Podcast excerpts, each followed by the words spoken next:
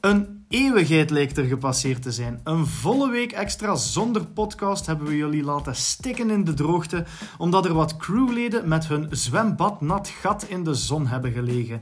Vandaag maken we dat goed. Met een wedstrijd, met gelul en getetter en met heel wat discussie over Gamescom, de grootste gamingbeurs van Europa.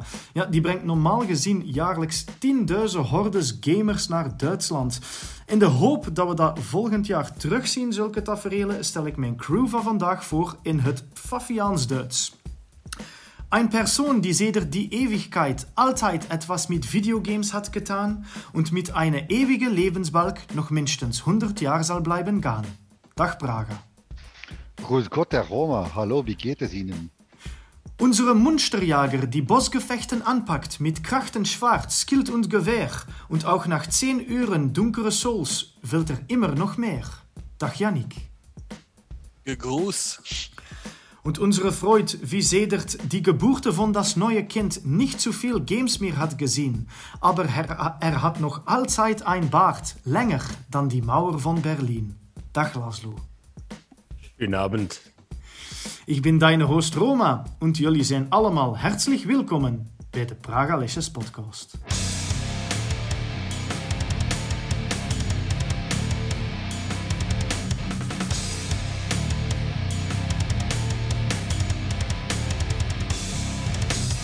Voor al wie luistert, er valt iets te winnen. Het is eindelijk zover. We hebben de allereerste luisteraarswedstrijd van onze podcast.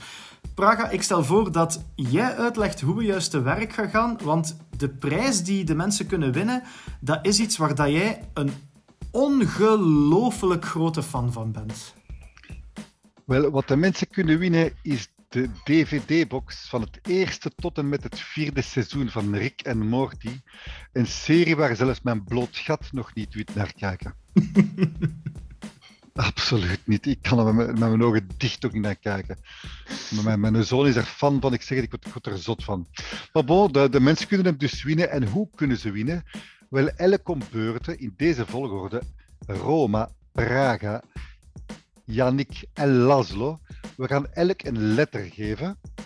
En die letter moeten de mensen gewoon in de volgorde dat wij ze geven, dus die letters achter elkaar plaatsen en dan mailen naar podcast.pragalicious.com met in de hoofding wedstrijdpodcast.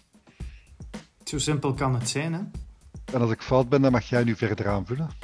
Ik uh, ga enkel aanvullen met de eerste letter. Hè? En als ze de drie andere willen vinden, dan moeten ze die uh, zoeken in de uitzending. Hè? Dus het is zelfs niet nodig, vooraleer dat de mensen te zot beginnen puzzelen, dat ze die in een andere volgorde zetten of zo. Hè? Het is echt gewoon 1 tot 4. Die vier op een rij, die vormen een, een heilige vierlogie in plaats van een trilogie.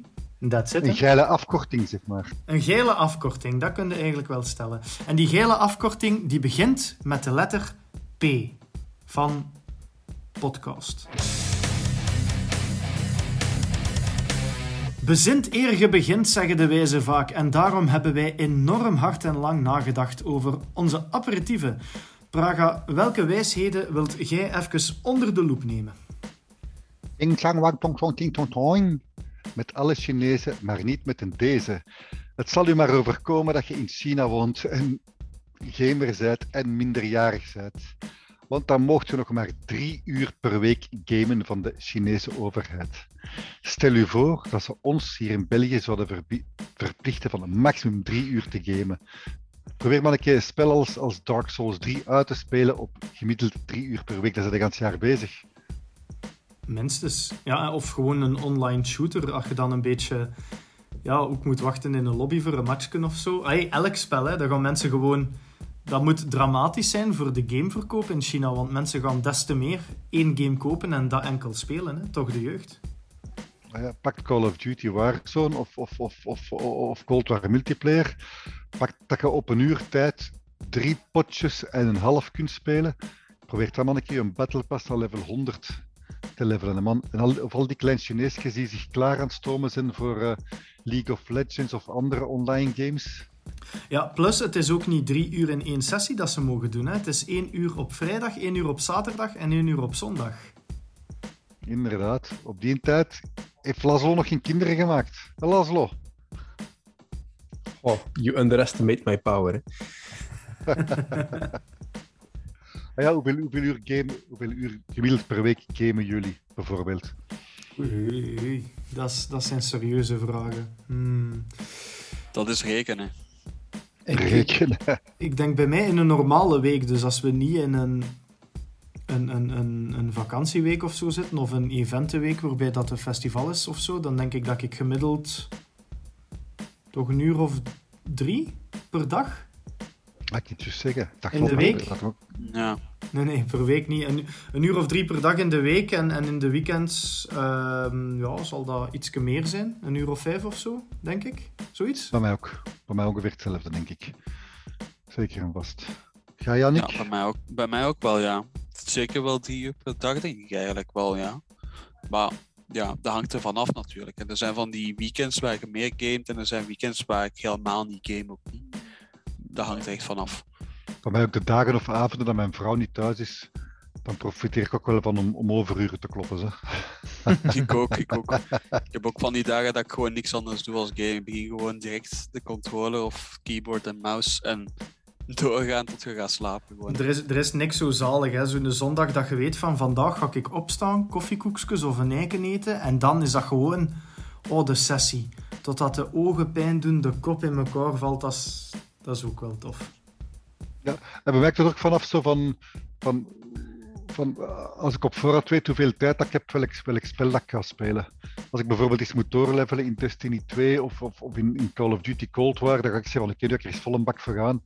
Pak een, een, Assassin's Creed Valhalla bijvoorbeeld, die nieuwe expansion, weet ik van oké, met een of tien heb ik genoeg. Als ik een uur of twee links, een uur rechts, weet je, zo tussen de soep en de patatten door. Zo.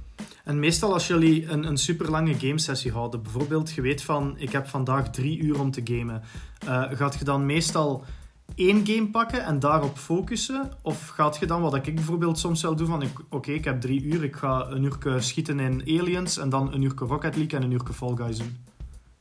Als je multiplayer games speelt, misschien wel, maar ja, ik, weet, ik, ik, speel meestal ik speel singleplayer games en Destiny 2 en, en, en Call of Duty. Daarnaast als multiplayer ontspanning. Dus ik weet wat ik heb drie uur tijd, ga ik wel op één spel focussen. En ik kan niet singleplayer en multiplayer door elkaar. Dan zit ik eraf van- een dag of ik standaards moet werken, hoe vroeg dat ik moet werken, hoe vroeg dat ik moet opstaan van dat gedoe allemaal. Bij mij is het ook wel een beetje van het, moment inderdaad. Als ik in de week gewerkt heb en zo, dan ga ik me vaak niet in een singleplayer game gaan verdiepen en daar heel veel tijd in steken. Ik bewaar dat meer voor het weekend eigenlijk. Dan ga ik meer een RPG of, of een, ja, een story-driven game gaan spelen. En in, in de week is het dan vaak eigenlijk een multiplayer game of iets co-op eigenlijk. Want dat is toch ook, zelfs al speelt je een verhaalgame co-op, ga je dat toch, dat is wat meer casual. En dan volgt je dat iets minder hard, dan is dat iets meer relaxing. Dus zo, zo doe je dat eigenlijk. Het probleem is ergens ook dat je voor gamen niet alleen veel vrije tijd moet hebben voor een goede sessie, maar je moet ook een beetje fit zijn. Want als ik te moe ben, dan zet ik het niet meer aan. Gewoon omdat ik dan weet van... Ik heb soms momenten van, ik heb goesting in Call of Duty, maar als ik nu online speel, dan is mijn KD naar de kloten. Dat ook. Ik voel dat zo, mijn eerste twee matches, als ik begin te spelen, ik zeg van, mm, mm, mm, mm, mm, dat wordt niks. Dan, dan stop ik liever dan, dan mijn, eh, mijn KD. Dan, eh, niet, dat ik een wonderbaarlijke heb, maar ik heb aan mijn leeftijd, van de gezegende leeftijd van bijna 54, een van 0,88. En ik probeer toch altijd positieve scores te behalen. En af en toe, ik zeg, eigenlijk, ik zeggen, af, heel af en toe, maar dat valt echt goed mee, heb ik eens een negatieve score. Maar meestal is het wel eh, deftige positieve scores. Dat ik heb. Ja. En, en jij Laszlo, want je houdt het angstvallend stil. Is je vrouw misschien mee aan het luisteren? Nee. Ja, voor mij, de laatste tijd is het echt eh, erbarmelijk weinig gametijd. Ehm en sowieso komt dat wel met vlagen voor mij. Zo. Ik heb zo periodes waarin ik dan effectief, Gilder zegt, zo twee uur op een dag door de week probeer eh, toch wel te gamen. Ehm, en dan in de weekends, wow, tussen de drie en de vier uur gaat dat zijn, denk ik dan, eh, voor een dag. Maar momenteel is het, ja, als ik al aan een eh, vijf uur op een week kom, ben ik al content momenteel. Dus Ja, maar- wel- zoals de Chinezen dan. ja, La- La- Laszlo is de kleine Chinees.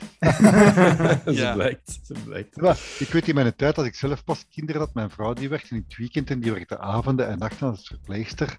En eh, als, onze, ja, als die kleine mannen klein zijn, dan slapen die veel. En anders zet ik die gewoon in hun parkje naast mij.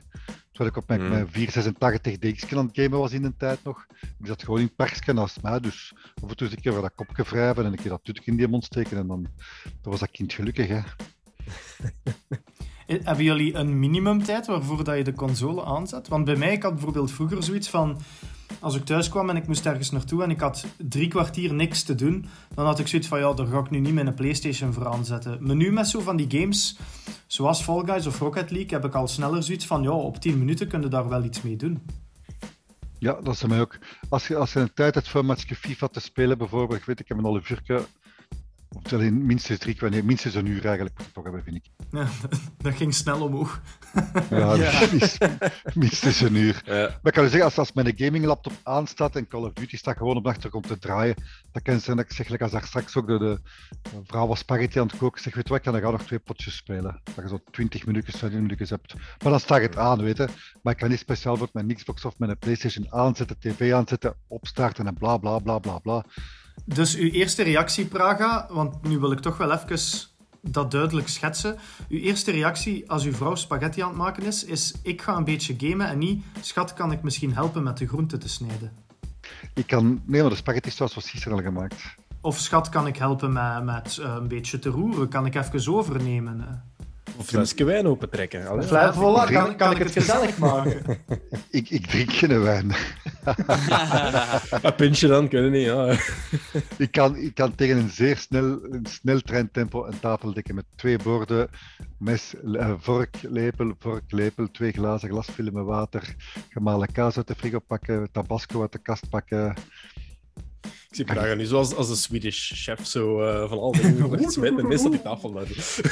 En ondertussen ze nog een positieve KD aan het halen in COD. ja, ik heb een killcam van 6 seconden. De vorken! Laszlo, waarover wilt jij het even hebben? Ja, eh, heel even, want het is eigenlijk niet zo'n heel groot nieuws. We weten nog niet veel concreets erover. Maar ehm, ja, er zijn geruchten dat de multiplayer van The Last of Us 2 een ehm, Battle Royale mode zou bevatten. Ehm, en eh, ja, ik, heb er zelf heel gemengde gevoelens bij. Ehm, het is eigenlijk gevonden door ehm dataminers die in de multiplayer files van eh The Last of Us 2 gedoken waren. En die hebben daar een map gevonden. eh, en dan zo'n paar assets die toch wel heel hard gelinkt kunnen worden aan Battle Royale. Ehm, nu ja, de multiplayer van The Last of Us 2 is nog steeds niet gelanceerd. En zou misschien zelfs als standalone spel eh, apart gelanceerd kunnen worden. Wat dat dan weer, eh, als je dan denkt aan bijvoorbeeld eh, Call of Duty Warzone of zo.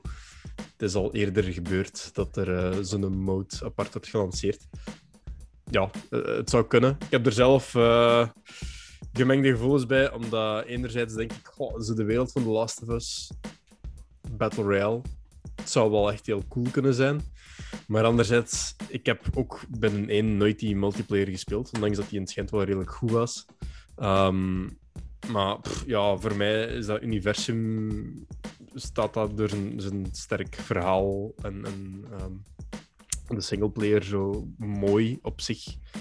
Als een Battle Royale, ja, voor mij die sfeer misschien ook wel een beetje kan verpesten. En nog een belangrijke vraag die we moeten stellen bij dat nieuwsitem, Laszlo, is hoeveel te veel tijd hebben dataminers eigenlijk? Dat denk ik elke keer van, hoe zelfs? Hoe vind je dat? ik ben nu zelf helemaal niet technisch aangelegd, maar ja... Volgens, volgens mij zijn dat Chinezen, die hebben toch niet meer tijd nu om, andere dingen te doen. Dus We mogen niet gaan- spelen, maar we kunnen de code lezen. ik, ik, ga, ik ga een uurtje dataminen. Ah, Het moment waar dat ik het eh, zelf even over wil hebben is eh, Rainbow Six Extraction, ehm, dat de voorbije weken wat meer informatie heeft gelost. Ehm, ik ben een grote Rainbow Six fan. Ik vond Siege super. Eh, we hebben heel veel informatie gekregen in een uitgebreide trailer. Er, worden, er komen evoluerende mappen naar Extraction, dynamische missiedoelen, een prachtig levelsysteem. Zo allemaal van die zaken die we eigenlijk ergens wel al eens gezien hebben En dat is mijn grootste probleem. En Rainbow Six lijkt dat gewoon perfect te kopiëren. Um, je komt in een gespecialiseerd team terecht dat uh, React genoemd is. En je neemt het op tegen de Archaeans. Dat is een alien parasite dreiging die de wereld heeft overgenomen en smijt er een generiek verhaal tegen. Um, en dan zit je met progression, met unlocks. Dat systeem ziet eruit als een battle pass. Enfin, lang vooral kort. Van alles wat ik heb gezien, hoe hard dat ik ook probeer, ik raak maar niet warm van die Rainbow Six. En ik vind vooral een heel vreemde richting dat ze uitgaan. Dat heb ik vorige keer al gezegd, na het succes van Siege. Dus ik zou heel graag eens spreken met iemand van Ubisoft of iemand van Ubisoft het horen uitleggen van oké, we, we snappen wat dat gaan doen bent, we snappen niet waarom dat, gaan doen, dat je dat aan het doen bent. Want het ziet er zo generiek uit en vooral die vijanden, ja, het ziet eruit als een cosplayer die echt wel goed wil doen, maar echt weinig budget had. Ik heb die vraag ook gesteld toen ik die eerste beelden zag van dat spel van wie gaat dat in godsnaam spelen?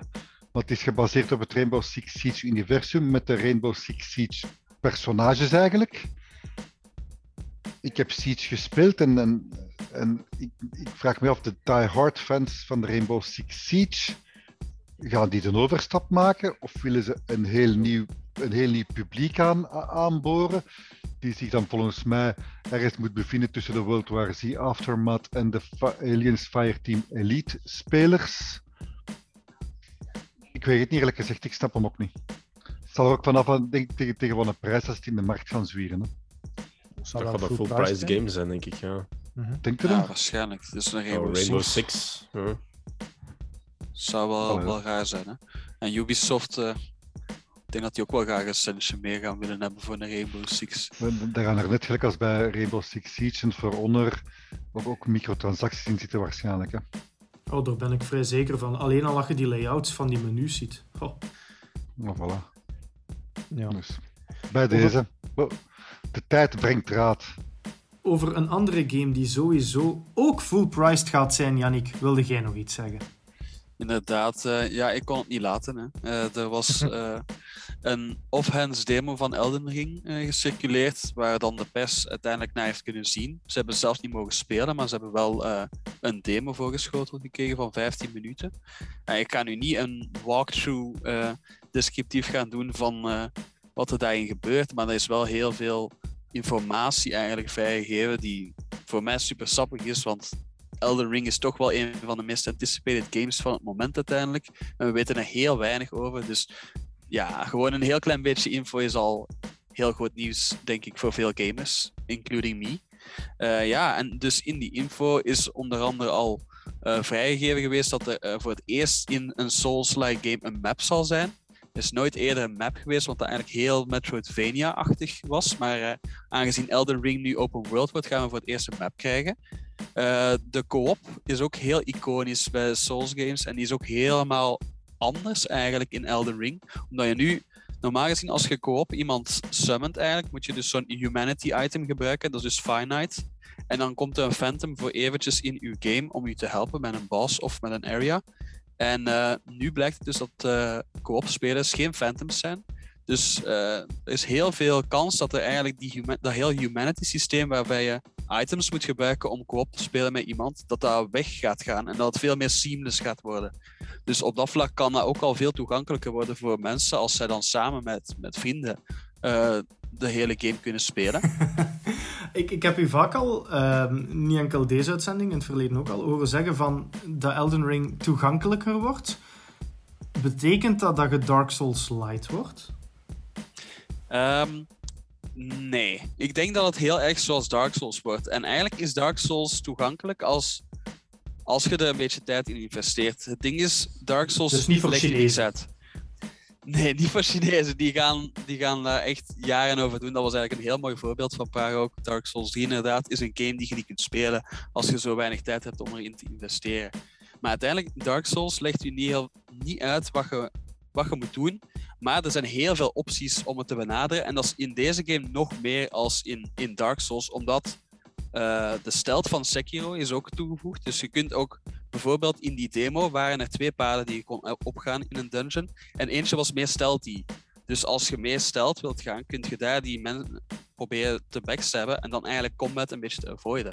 En dat is ook op één manier toegankelijker, denk ik, voor mensen die wat meer last hebben met de combat, kunnen die zo eigenlijk door die areas gaan. Uh, dus op dat vlak denk ik wel dat die toegankelijker wordt, maar ook niet gemakkelijk. Want dan zou je ook heel veel mensen hebben die zich tegen hun zouden keren, want het mag niet makkelijk zijn natuurlijk. Ho, ho, ho, ik, zou, ik, zou, ik zou sowieso meer voor de stealthy aanpak kiezen, want een agressieve aanpak, dat levert me toch niks op. dat kun je in Sekiro ook, hè, maar dat is eigenlijk nog wel de moeilijkste van ze allemaal, vind ik. Dus we zullen zien. Dat is ook al zo'n moeilijke. Ik zeg dat is vooral. Ik begrijp de hype, ik begrijp dat, waarom het iedereen er zot van is, maar ik weet nu al op voorhand. Het heeft geen zin dat ik eraan begin. Dat ruimt ook. Het heeft geen zin dat ik eraan begin. Ja, ik weet dat is niet. dat is een, levens, een levenskeuze. Ik vind persoonlijk dat het de tijd, de investering wel waard is. Want ik ben nu bijvoorbeeld dus ook, omdat Elden Ring uitkomt, alle Souls games te gaan het spelen. En ik merk dat ik er nu tien keer sneller doorga. Ik, op bijna 10 uur, 15 uur heb ik de eerste al uitgespeeld en ik ben al bijna klaar met de tweede ook. En dat is echt gewoon belachelijk. Hè? Ja, dat is gewoon als je weet wat er, wat er te wachten staat en je weet welke beeld je kunt doen enzovoort, dan kun je je veel beter daarop voorbereiden. En ja, ik weet niet, ik vind dat gewoon leuk, want je kunt je daar echt in investeren en dat maakt ook echt dat je beter wordt in dat spel. Dus dan voelt je wel een beetje een badass. De mensen thuis zien het niet, maar de blik van Praga nu, die ogen, dat is pure jaloezie. ik ah, zit, ik zit echt te staren naar. What the fuck? Wat is er mis met u? nee, ik, ik, ben op het laatste aan Bloodborne begonnen en ik heb het opgegeven, echt waar. Ik liep telkens verloren. En... Ik wil u wel helpen. En dan ging dood en dan, ja, dat is... Nee. Ik heb een beter voorstel. Aangezien het aperitief erop zit, zal ik misschien de tweede letter van de wedstrijd geven. De G van golf. Dus de G van golf is de tweede letter.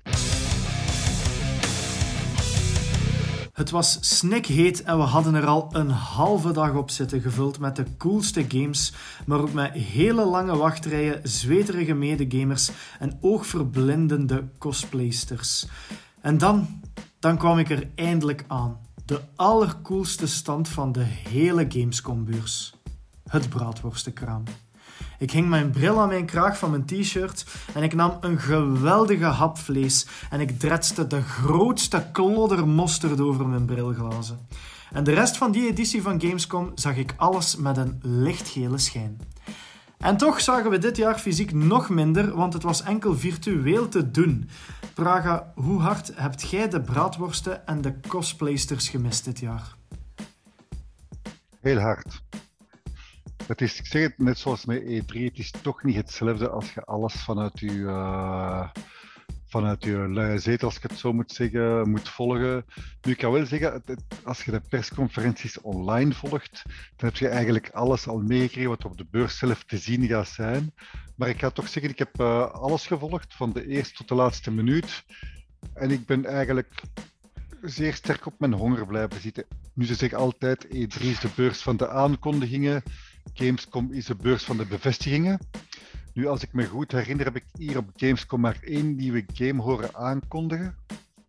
Dat is Marvel's Midnight Suns. Voor de rest bevestigingen: gameplay Call of Duty Vanguard, gameplay Dying Light 2, gameplay Age of Empires 4, gameplay uh, Dead Stranding Director's Cut. En het was eigenlijk één grote trailershow zonder al te veel verrassingen. Zelfs het feit dat Horizon Forbidden West naar 2022 verschuift was al geen verrassing, want dat wist ook iedereen. Hè. Iets wat uh, de, nieuwe, de nieuwe Saints Row is ook wel een nieuwe, denk ik. Hè? Voilà, dat is wat ik uh, ging zeggen. Reboot. Ik ook. En ik heb, en ik heb, ik heb trouwens met, uh, gelezen dat het eigenlijk zoveel dagen na release dat het meer negatieve reacties als positieve reacties had. Ja, inderdaad. Ja, ik heb het uh, preview-event ervan bijgewoond, dus ik had de informatie een beetje eerder. En ik had op het moment ja, van het preview-event zelf niet echt een negatieve vibe, of ik had niet zoiets van, allee, what the hell is this? Het was wel duidelijk anders dan bijvoorbeeld recentelijk de remaster van Saints Row the Third dat ik had gespeeld. Ehm, en ja, het zag er minder bonkers uit. Maar ik had nu ook niet zoiets van, amai, dit ziet er verschrikkelijk uit. Achteraf, als ik die reacties las, dan snapte ik wel wat dat mensen bedoelden van... Oh, deze zijn precies hipsters. Uh, de oude Saints zouden de nieuwe onmiddellijk aan gort schieten. Ja, het is een nieuwe look. Ik denk dat dat ook gewoon eraan gewennen is. We kennen die characters nog niet. Wie weet zijn die wel super cool. Ehm, maar er was één iemand uh, die ergens op een, op een trailer reageerde van... Dit is de meest corporate-approved versie van Saints Row ooit. En dat kan wel kloppen. En ja, ze kregen ook heel veel vragen tijdens de Q&A van waarom zijt je niet zo gek als vroeger? En dan zeiden ze ook van ja, we wilden het een beetje terugbrengen, maar het is nog altijd ongelooflijk gek en je gaat een paarse dildo niet missen en dit en dat. Ehm, ze beloven dat, maar ik durf te wedden dat we hem wel gaan missen. Maar ik vind wel dat het er cool uitziet. Vooral de setting, Las Vegas, woestijn, I'm intrigued. Ja, ik moet zeggen, um, ik heb nog nooit een Saints Row game gespeeld. Ging uh, mee starten, maar ik vond wel dat die een trailer er heel lekker uitzag. Ik, uh, ik voelde me erdoor aangesproken. Maar uh, als je dan zo het, stukje na de trailer en die een Opening Night Live bekeek, dan, was er een van die actrices die dat een, meespeelde, die zo over de game vertelde. En dan dacht van hoe een jaren 2000 spel klinkt dat eigenlijk wel niet. Dus zo, ah ja, er zijn een paar bendes, een paar verschillende buurten en die moet je dan gaan verslaan en dan einde spel. En dan denk ik van, oké, maar dat klinkt echt wel als een dertiende in een dozijn spel. En je wilt dan ook wat terugkeren naar wat dat Saints Row vroeger was. Dus ik weet niet of dat het, type game qua inhoud gewoon gaat zijn dan. echt omver blazen, als ik het zo hoor. Maar uh, ik denk ook niet mocht vergeten uh, dat Saints Row eigenlijk ook begon met een serieuze toon. Uh, als ik het goed begrijp. Ik heb de eerste eigenlijk zelf nooit gespeeld, maar ik heb wel de tweede gespeeld. En die was vrij serieus. Dat was eigenlijk een beetje de GTA-kloon uh, op het moment. En dan zijn ze eigenlijk een heel andere richting uitgegaan met de third en de vierde. De derde die dan helemaal bonkers en de vierde nog erger eigenlijk. Dat is gewoon compleet belachelijk eigenlijk bijna. Dat is gewoon humor, dat is gewoon parodie en satire op alles. Maar ja, ja dat, is, dat is het ding. Hè. Als je twee richtingen opgaat met een franchise, dan ga je ook een beetje je fanbase splitsen.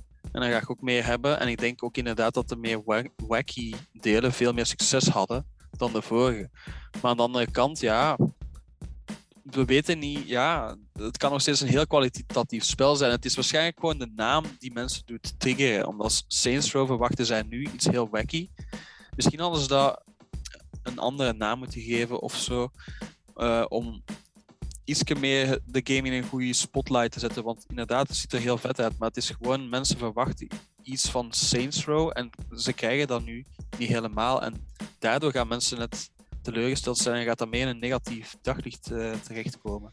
Maar ik vraag me dan af. Um, Oké, er is nu een hele vocale groep die dat zegt van uh, het is nu weer de Saints Row dat we gewend zijn. En godverdomme, het moet allemaal anders. Het moet allemaal zotter. We willen paarse dildos of ik weet niet wat dat allemaal is.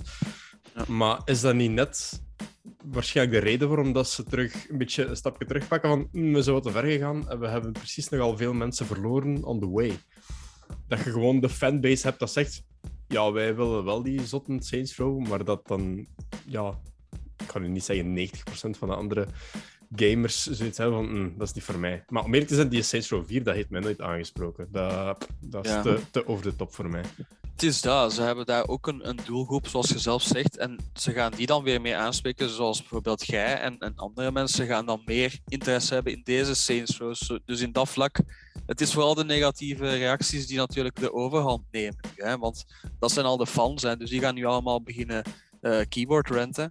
En al diegenen die het interessant vinden, gaan, gaan mee op de achtergrond komen. Maar ik denk inderdaad dat er ook een heel groot uh, doelgroep gaat zijn voor deze game. En uiteindelijk, daar komt het op neer. Als je een kwalitatieve game aflevert, dat is wat telt. Hè.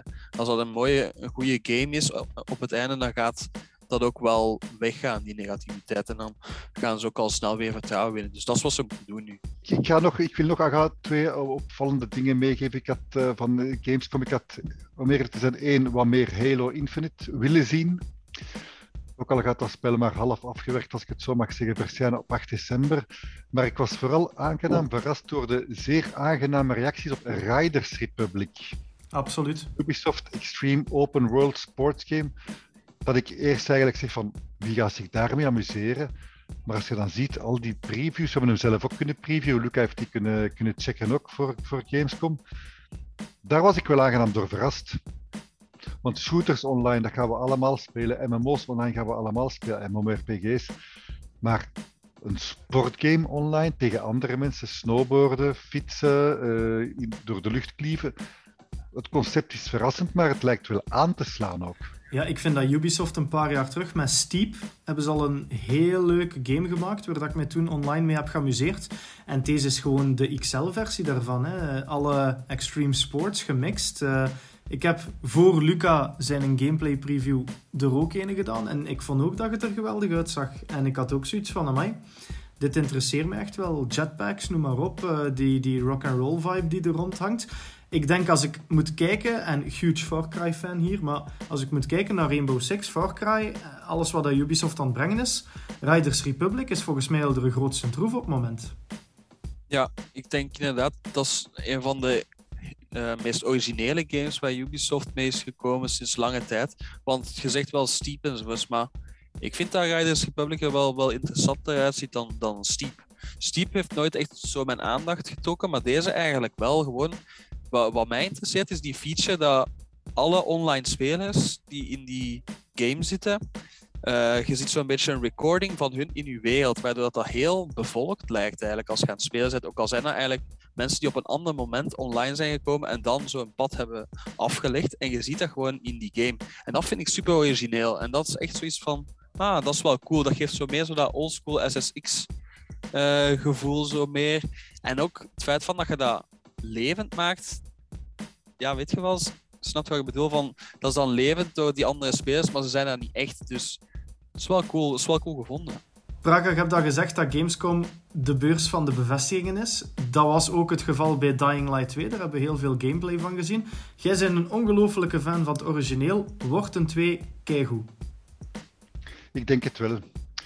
Volledig gebruikmakend, dat is mooi gezegd, volledig gebruikmakend van de features van de moderne next-gen consoles gaat er volgens mij niet alleen grafisch, maar ook op, alle vlakken, vlakken van gameplay, eh, grafisch, audiovisueel en zeker PS5 met die DualSense features gaat er volgens mij een unieke game worden. Denk er maar eens aan hoeveel, zombies dat ze tegelijkertijd op het scherm kunnen toveren, hoe, hoe groot en uitgebreid ze die spelwereld kunnen maken. Hopelijk is het verhaal even, even plezant als dat van de 1, die ik trouwens opnieuw aan het spelen ben. En ik was ook eigenlijk vergeten hoe moeilijk dat spel bij momenten wel was, eerlijk gezegd.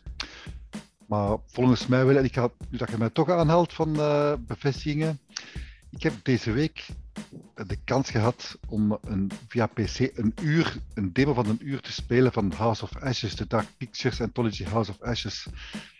En houd die maar in de gaten. Meer ga ik er niet van zeggen, maar houd die maar in de gaten, want die gaat ook wel heel goed worden.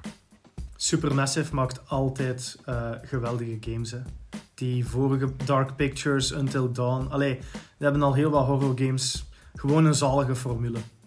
Ja, maar ik ga toch zeggen, volgens de, deze hier is volgens mij iets toegankelijker, toegankelijker in de zin van uh, dat meer, meer, meer adventure is en dat de horror een beetje naar achter geschoven is. Al is dat misschien niet het juiste woord waarmee ik wil bedoelen van de eerste Man of Medan en Little Hope.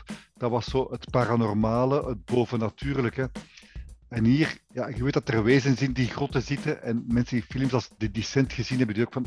Weet je, en als ik weet dat er monsters zitten, gelijk als bij Alien Isolation, dat wordt ook door velen omschreven als een horrorgame. Maar ook voor mij was dat meer een stealthy adventure game, omdat ik weet, weet je, die alien, oké, die zit daar, ik moet er gewoon zien te ontwijken. En ik heb geen schrik. Snap je wat ik bedoel? Mm Het geen schrik bij Alien Isolation.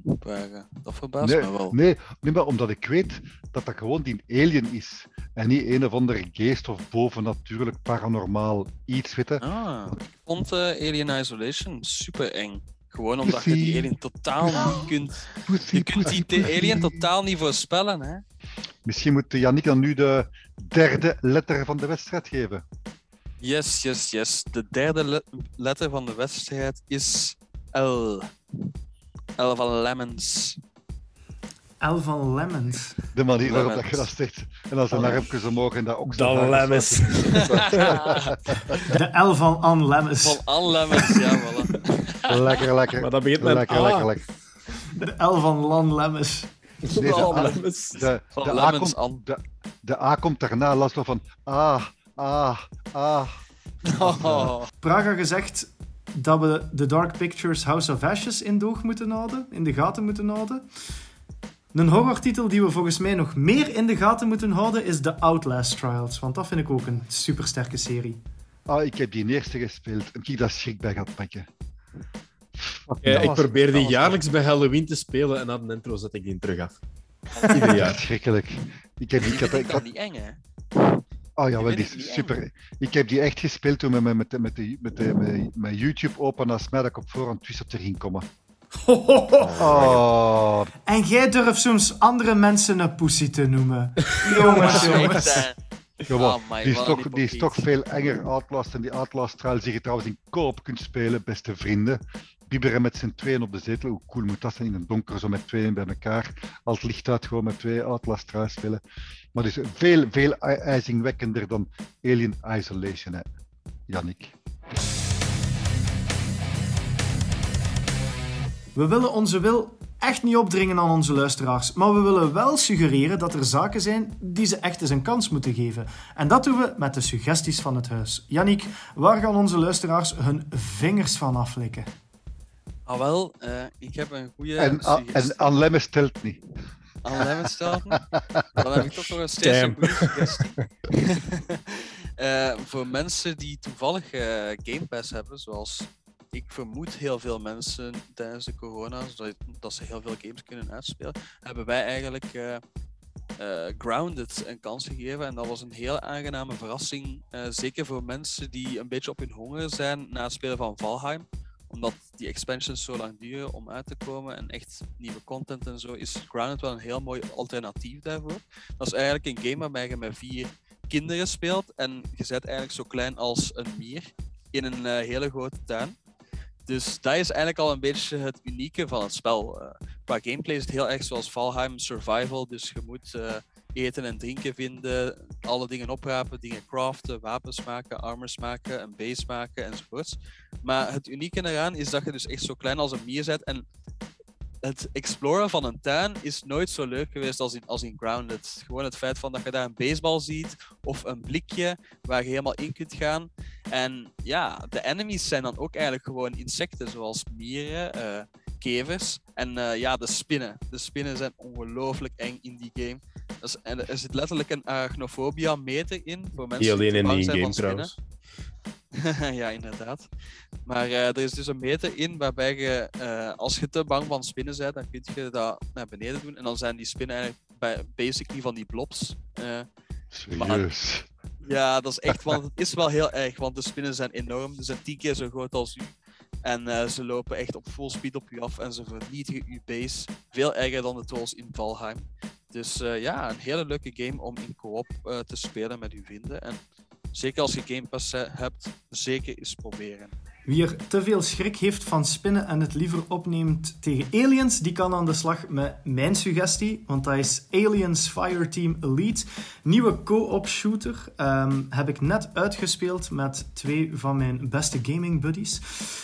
En dat was gewoon ongelooflijk veel fun. 40 euro, niet te duur, niet te lang ook. Campaign speelt je uit op een achttal uren. En ook niet te doordenkend. Het is een van de meest straightforward games die ik ooit heb gespeeld. Dus iedereen op zoek naar de zotste skill tree en de coolste RPG-elementen. Nee, het is gewoon corridor na corridor, schip na schip, locatie na locatie op aliens knallen.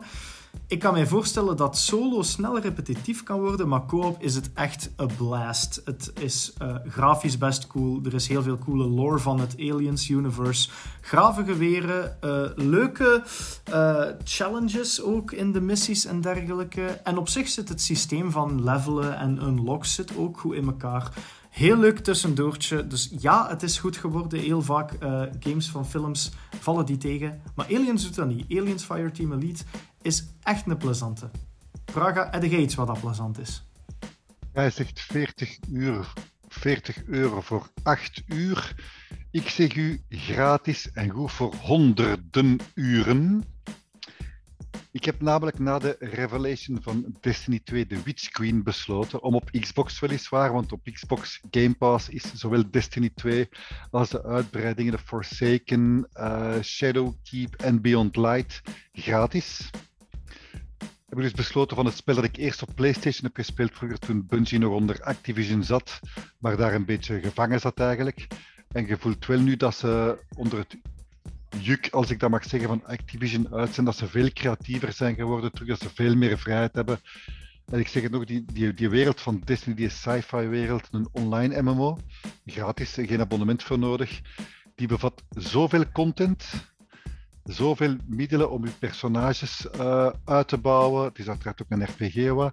En uh, ook elke planeet, zowel de maan, Mars is eruit, jammer genoeg, de maan, aarde, noem het op allemaal. Het is gewoon, er valt zoveel te beleven. Als je eens wilt zien waarom dat Bungie eigenlijk die jaar hun 30ste verjaardag vieren, als ik me goed herinner. Uh, waarom dat je die mannen zeker een kans moet geven, dan moet je absoluut Destiny 2 spelen. Ik zeg het nog eens, zowel Destiny 2 basisgame als de expansions zijn allemaal gratis te spelen via Xbox Game Pass. Laszlo, nu hebben we al drie videogames gesuggereerd. Alsjeblieft, geef ons iets anders. Ik zal uh, iets veel beter geven. Een game waar je geen scherm voor nodig hebt. Nog controller, nog toetsenbord en nog muis. Um, voor de eerste keer denk ik in de geschiedenis van de podcast ga ik een boardgame aanraden. We mogen eindelijk terug wat meer uh, met de coronaregels. Dus waarom eens niet afspreken met vrienden om Time Stories te spelen? Um, Time Stories is een co-op board game met een heel cool setup. Um, dus je bent eigenlijk maximum vier uh, tijdreizigers van een soort van time protection agency. En als er ergens in het verleden een um, anomaly plaatsvindt, dan moet je dat gaan onderzoeken. En dan moet je gaan zien, ja, hoe kunnen we dat oplossen? Het coole aan het spel is eigenlijk dat je maar een paar keer kunt terugkeren naar hetzelfde punt in de tijd. Ehm, en daar kunt je dan time points op gebruiken. Als die op zijn, moet je terugkeren naar het heden. En je kunt dat maar, ik denk in totaal vier, vier of vijf keer doen. En dan is het echt wel voorgoed verloren. Dus het is altijd een soort van um, script dat je volgt. En eh, de de basisversie komt je terecht in een soort van insane asylum waar van alles aan de gang is. En dan uh, moet je daar in de huid kruipen van een van die zotten, die dan ieder hun eigen abilities hebben. En dan moet je eigenlijk met die zotten ja, uitpluizen wat er uh, gebeurd is. het coole is dus dat je uh, een paar keer kan falen, waardoor je, dat, dat je wel door je playthrough dingen leert over waar dan misschien wel een interessant personage kan zitten, waar je eens mee moet gaan praten, waar dan misschien een soort monster zit dat je moet vermijden, uh, vermijden of zo. Um, en ja, dus gaandeweg per playthrough weet je van, oké, we zitten iets dichter bij het punt dat we het niet meer gaan kunnen winnen, maar ook wel iets dichter bij hm, waar dat we denken dat we uh, de anomaly kunnen gaan oplossen. Super cool concept twee jaar geleden voor de eerste keer gespeeld met vrienden en dan uh, niet meer de tijd gevonden doordat dan uh, onze dochter geboren is om het te spelen. En dan deze week voor de eerste keer opnieuw draad opgepikt en de liefde was meteen terug. Dus uh, ja, echt een aanrader. En naast de suggestie, Laszlo, mocht jij nog een heel klein, maar heel belangrijk iets anders geven om het helemaal af te sluiten. De vierde letter van onze luisteraarsvraag. Ah, ja. En de vierde letter is de S van salmonella kip. Of van San Lemmes. Die ook, wat misschien ook een salmonella kip zou kunnen zijn.